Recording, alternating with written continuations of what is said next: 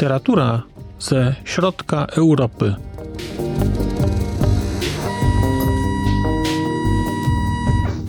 Podcast około książkowy. Dzień dobry. Witam Państwa po raz kolejny w podcaście Znak Litera Człowiek.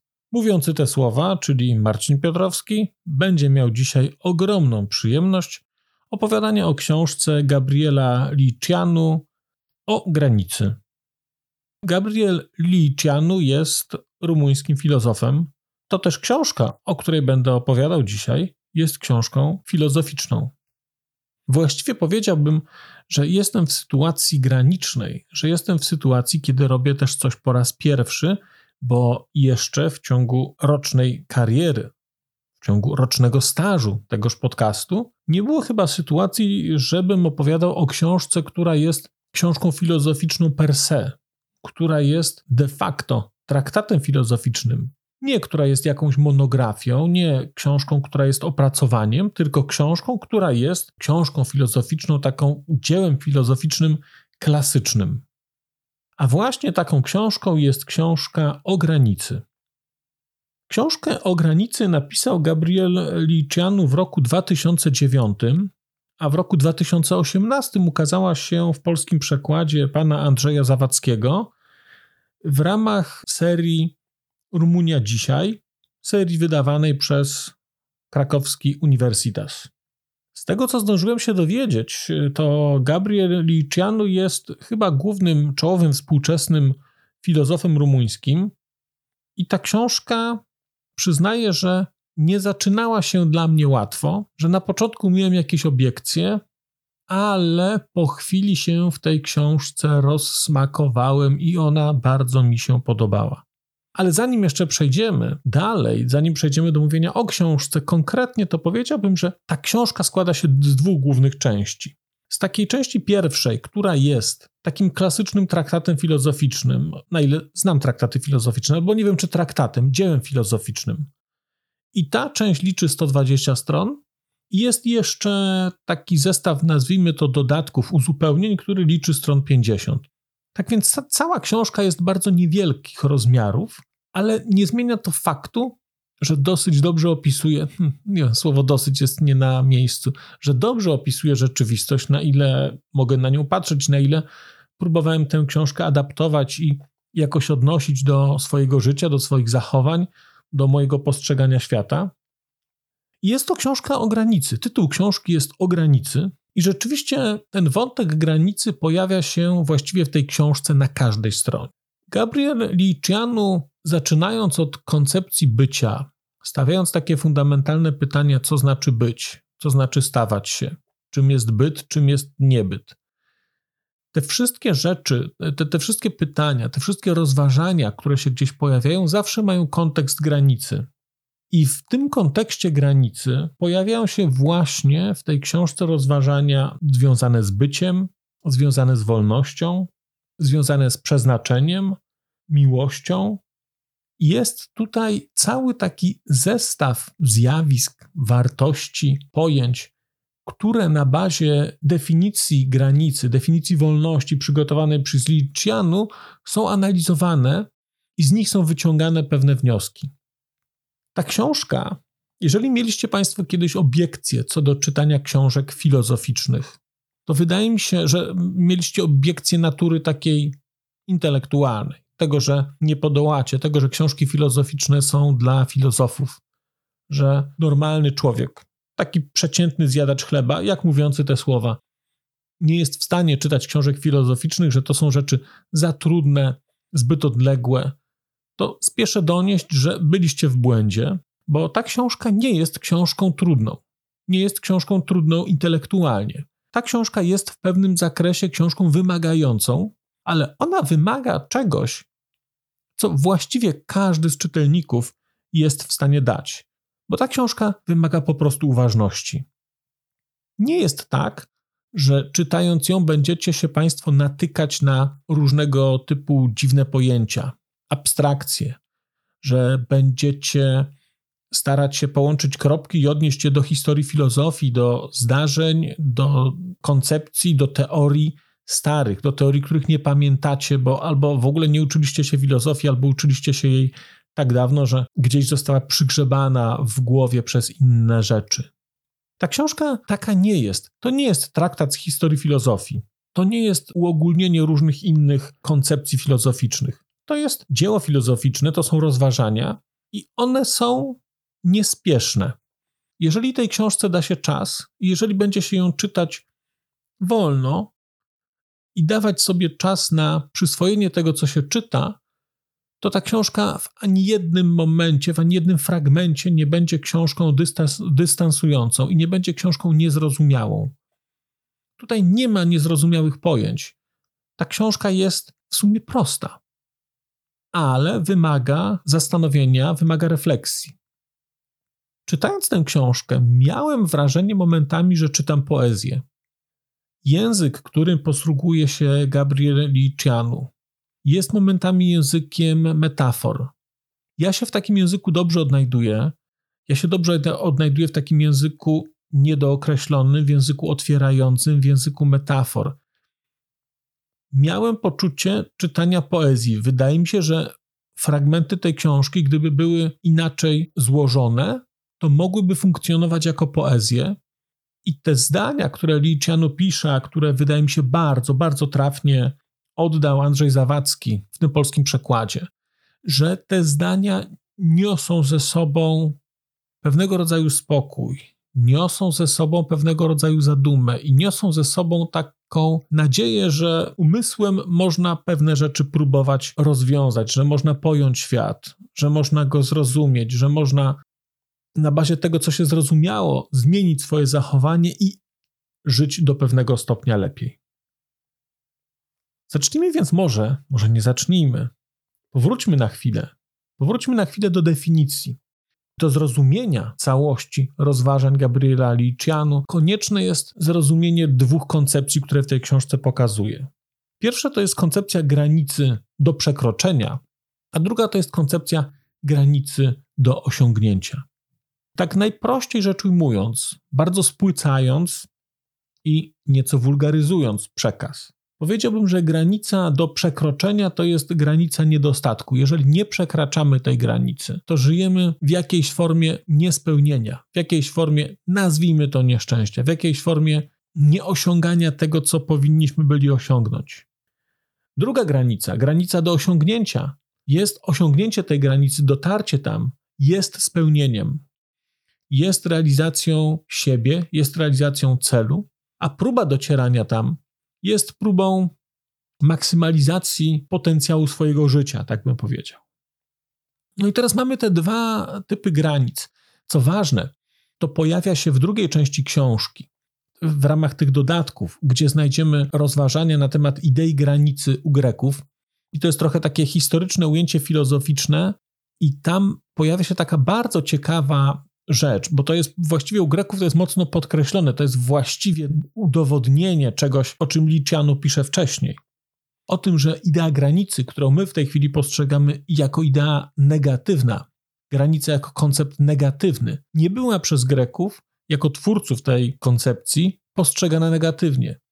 Granica była naturalnym elementem bycia w świecie. Osiąganie granicy było naturalnym elementem bycia w świecie ale nie było tam żadnego elementu oceniającego. Nie było mówienie, że tu jest granica, a za granicą zaczyna się złe.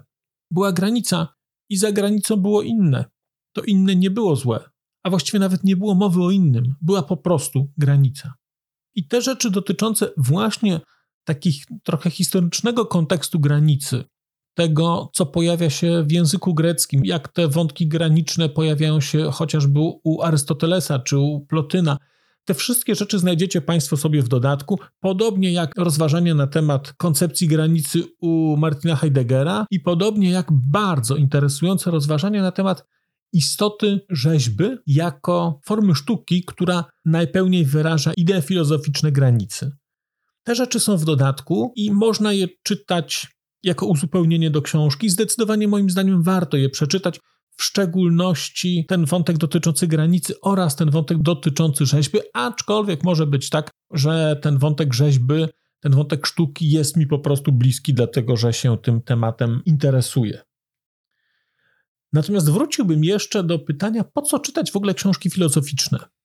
I też zastanawiałem się, po co czytać książki filozoficzne, zwłaszcza, że na początku miałem takie poczucie, że ta książka, mimo że jest książką otwierającą, to jednocześnie sama się zamyka, że sama się ogranicza.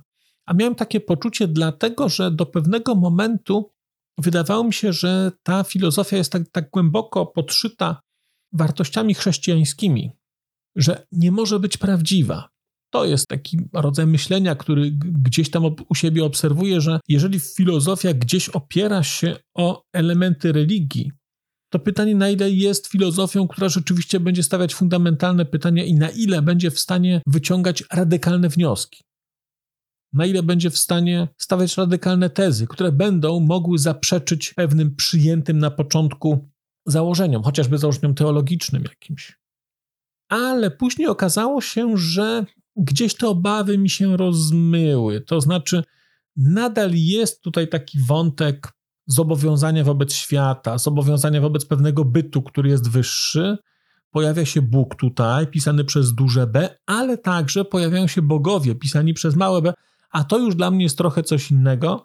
Więc gdzieś później się te wątki, takie nazwijmy to takiej bardzo głębokiej etyki chrześcijańskiej, tutaj rozmyły. Może nie rozmyły, ale gdzieś mi przestały tak mnie razić.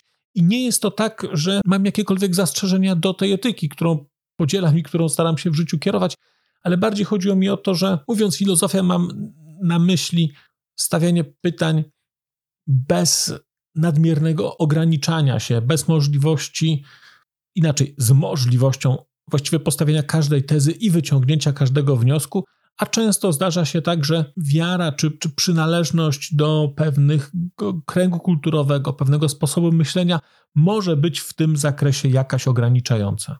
Więc tutaj tak miałem takie wrażenie na początku, ono potem zniknęło. Rzeczywiście ta książka jest książką o człowieku. Ta książka daje pociechę, ona mi dała jakąś pociechę i po prostu warto ją przeczytać. To, co tak naprawdę zrobiło na mnie bardzo duże wrażenie tutaj, to taki koncept, który rozwija e, Licianu, mówiąc o chorobach przeznaczenia. Nie będę w tej chwili rozwijał Państwu całej koncepcji tej filozofii. Nie będę Państwu mówił o bardzo pięknie tutaj pokazanej idei tragizmu.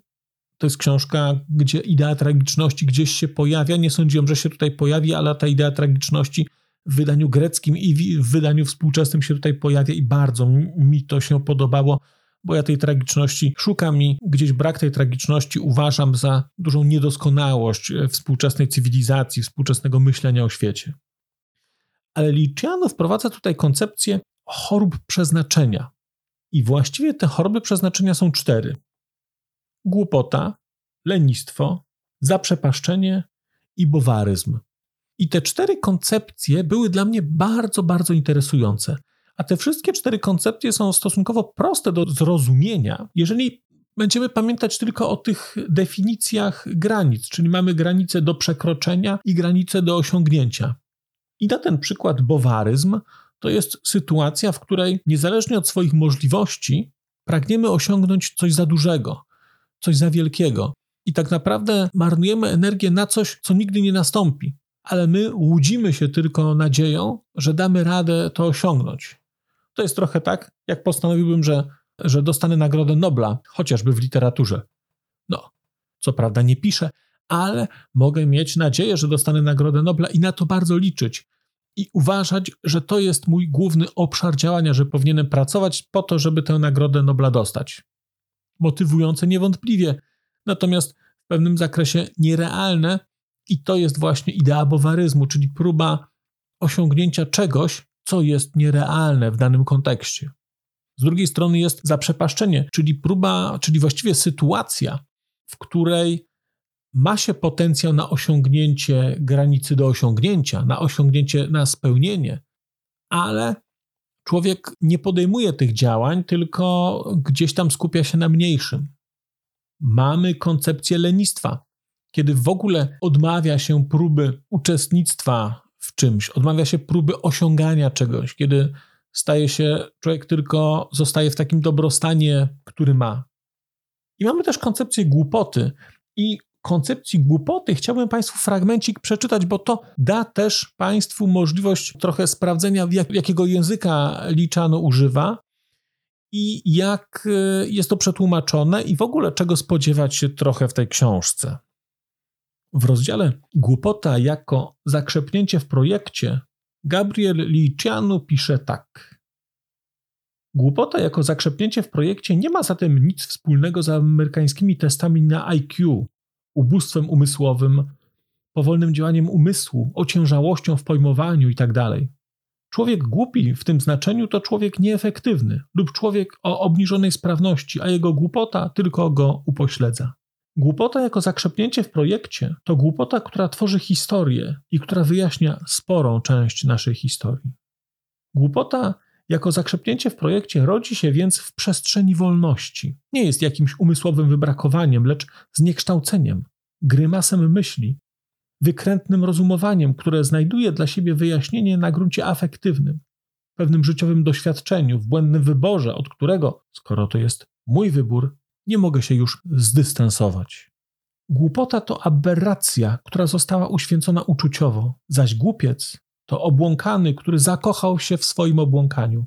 Ponieważ głupota to błąd uświęcony uczuciowo, wsparty moją miłością do mnie samego, wymyka się ona nieustannej kontroli intelektu i właśnie z tego powodu staje się i pozostaje głupotą. Mój wybór, kroki, które podjąłem, są błędne, ale ponieważ są moje, od samego początku są moją uczuciową inwestycją i są akceptowane jako takie. Rozpoznaję się tylko w sobie i w tym wszystkim, co do mnie należy. Zatem, i tym bardziej, w moich roszczeniach do dotarcia do prawdy. Pozostawanie w jakimś momencie subiektywności zostaje, na mocy aktu najwyższej miłości, zadekretowane jako sama prawda. Ponieważ zrodził się w mych trzewiach, ponieważ urobiłem go w moim bycie, wszelki projekt, któremu podporządkowuję swoje życie, staje się przedmiotem mego uwielbienia. Jest znakiem moich przyszłych czynów, które w sobie noszę. No i to jest ten wątek o głupocie, ten fragment o głupocie. I przyznam Państwu, że kiedy czytałem te fragmenty, czytałem te rozważania dotyczące nie tylko głupoty, ale pozostałych chorób przeznaczenia, to przyznam, że miałem poczucie ogromnej trafności tych rozważań, że miałem poczucie jednakowoż głębi. I myślę sobie, że kiedy czytamy traktaty filozoficzne, kiedy czytamy dzieła filozoficzne, to oczywiście możemy czytać je trochę jako opisanie świata. Ale mam wrażenie, że kiedy czytamy takie dzieła, to przede wszystkim zmieniamy siebie, że to jest sytuacja, w której sama lektura zmienia nas, bo stajemy wobec pytań, których normalnie byśmy sobie sami nie zadali. I nie chodzi o to, żeby nawet na te pytania odpowiadać, tylko wydaje mi się, że istotne jest to, żeby te pytania sobie zadawać, żeby pojawiała się w nas wątpliwość dotycząca nas samych. Z taką wątpliwością dotyczącą nas samych, dotyczącą tych pojęć, które się w tej książce pojawiają, o granicy mnie zostawiło. Dawno nie pamiętam, żebym tyle zaznaczał rzeczy w książce. Dawno książka nie była przeze mnie tak porysowana, tak po podkreślana, jak ta książka. To jest niesamowite, ale czytałem traktat filozoficzny i miałem wrażenie, że mam ochotę zabrać go do pracy. Mam ochotę przeczytać fragmenty swoim przyjaciołom, dlatego że one po prostu są trafne. One, mam wrażenie, gdzieś powodują, że nasze życie może być życiem lepszym, może być jakimś życiem pełniejszym nie dlatego, że zmienią w nim coś, ale dlatego, że zadamy sobie właściwe pytania i nawet jeżeli nie znajdziemy odpowiedzi, to nie o odpowiedzi tutaj chodzi. Gabriel Licianu o granicy. Bardzo, bardzo Państwu polecam książkę, niewielką objętościowo, ale gęstą treściowo, książkę wcale nie trudną, książkę wartościową i bardzo, bardzo otwierającą. Dziękuję Państwu za uwagę, dziękuję za słuchanie i zapraszam do kolejnych odcinków podcastu Znak Litera Człowiek. Powrócę do Państwa w stosownym momencie. Przez mikrofon mówił do Państwa Marcin Piotrowski. Do usłyszenia. A już zupełnie na koniec powiem, że skoro wysłuchaliście Państwo tego odcinka, to w jego opisie znajdziecie link do serwisu YouTube. W wersji YouTube'owej jest miejsce na skomentowanie go. To jest takie miejsce, gdzie można komentować ten odcinek, rozmawiać, zadawać pytania, wymieniać się spostrzeżeniami, do czego Państwa bardzo zachęcam, gdyż udało się już na tym YouTubie zgromadzić trochę bardzo ciekawych osób, bardzo ciekawych komentarzy i trochę stworzyć taką społeczność ludzi rozmawiających o książkach. Też na koniec, zupełnie na koniec, e, poproszę Państwa o wystawienie oceny mi w ramach e, tych platform podcastowych, na których Państwo tego odcinka wysłuchaliście. I nieważne jaka ta ocena będzie, istotne dla mnie po prostu, że będzie. Tymczasem się żegnam już naprawdę i do usłyszenia za czas jakiś.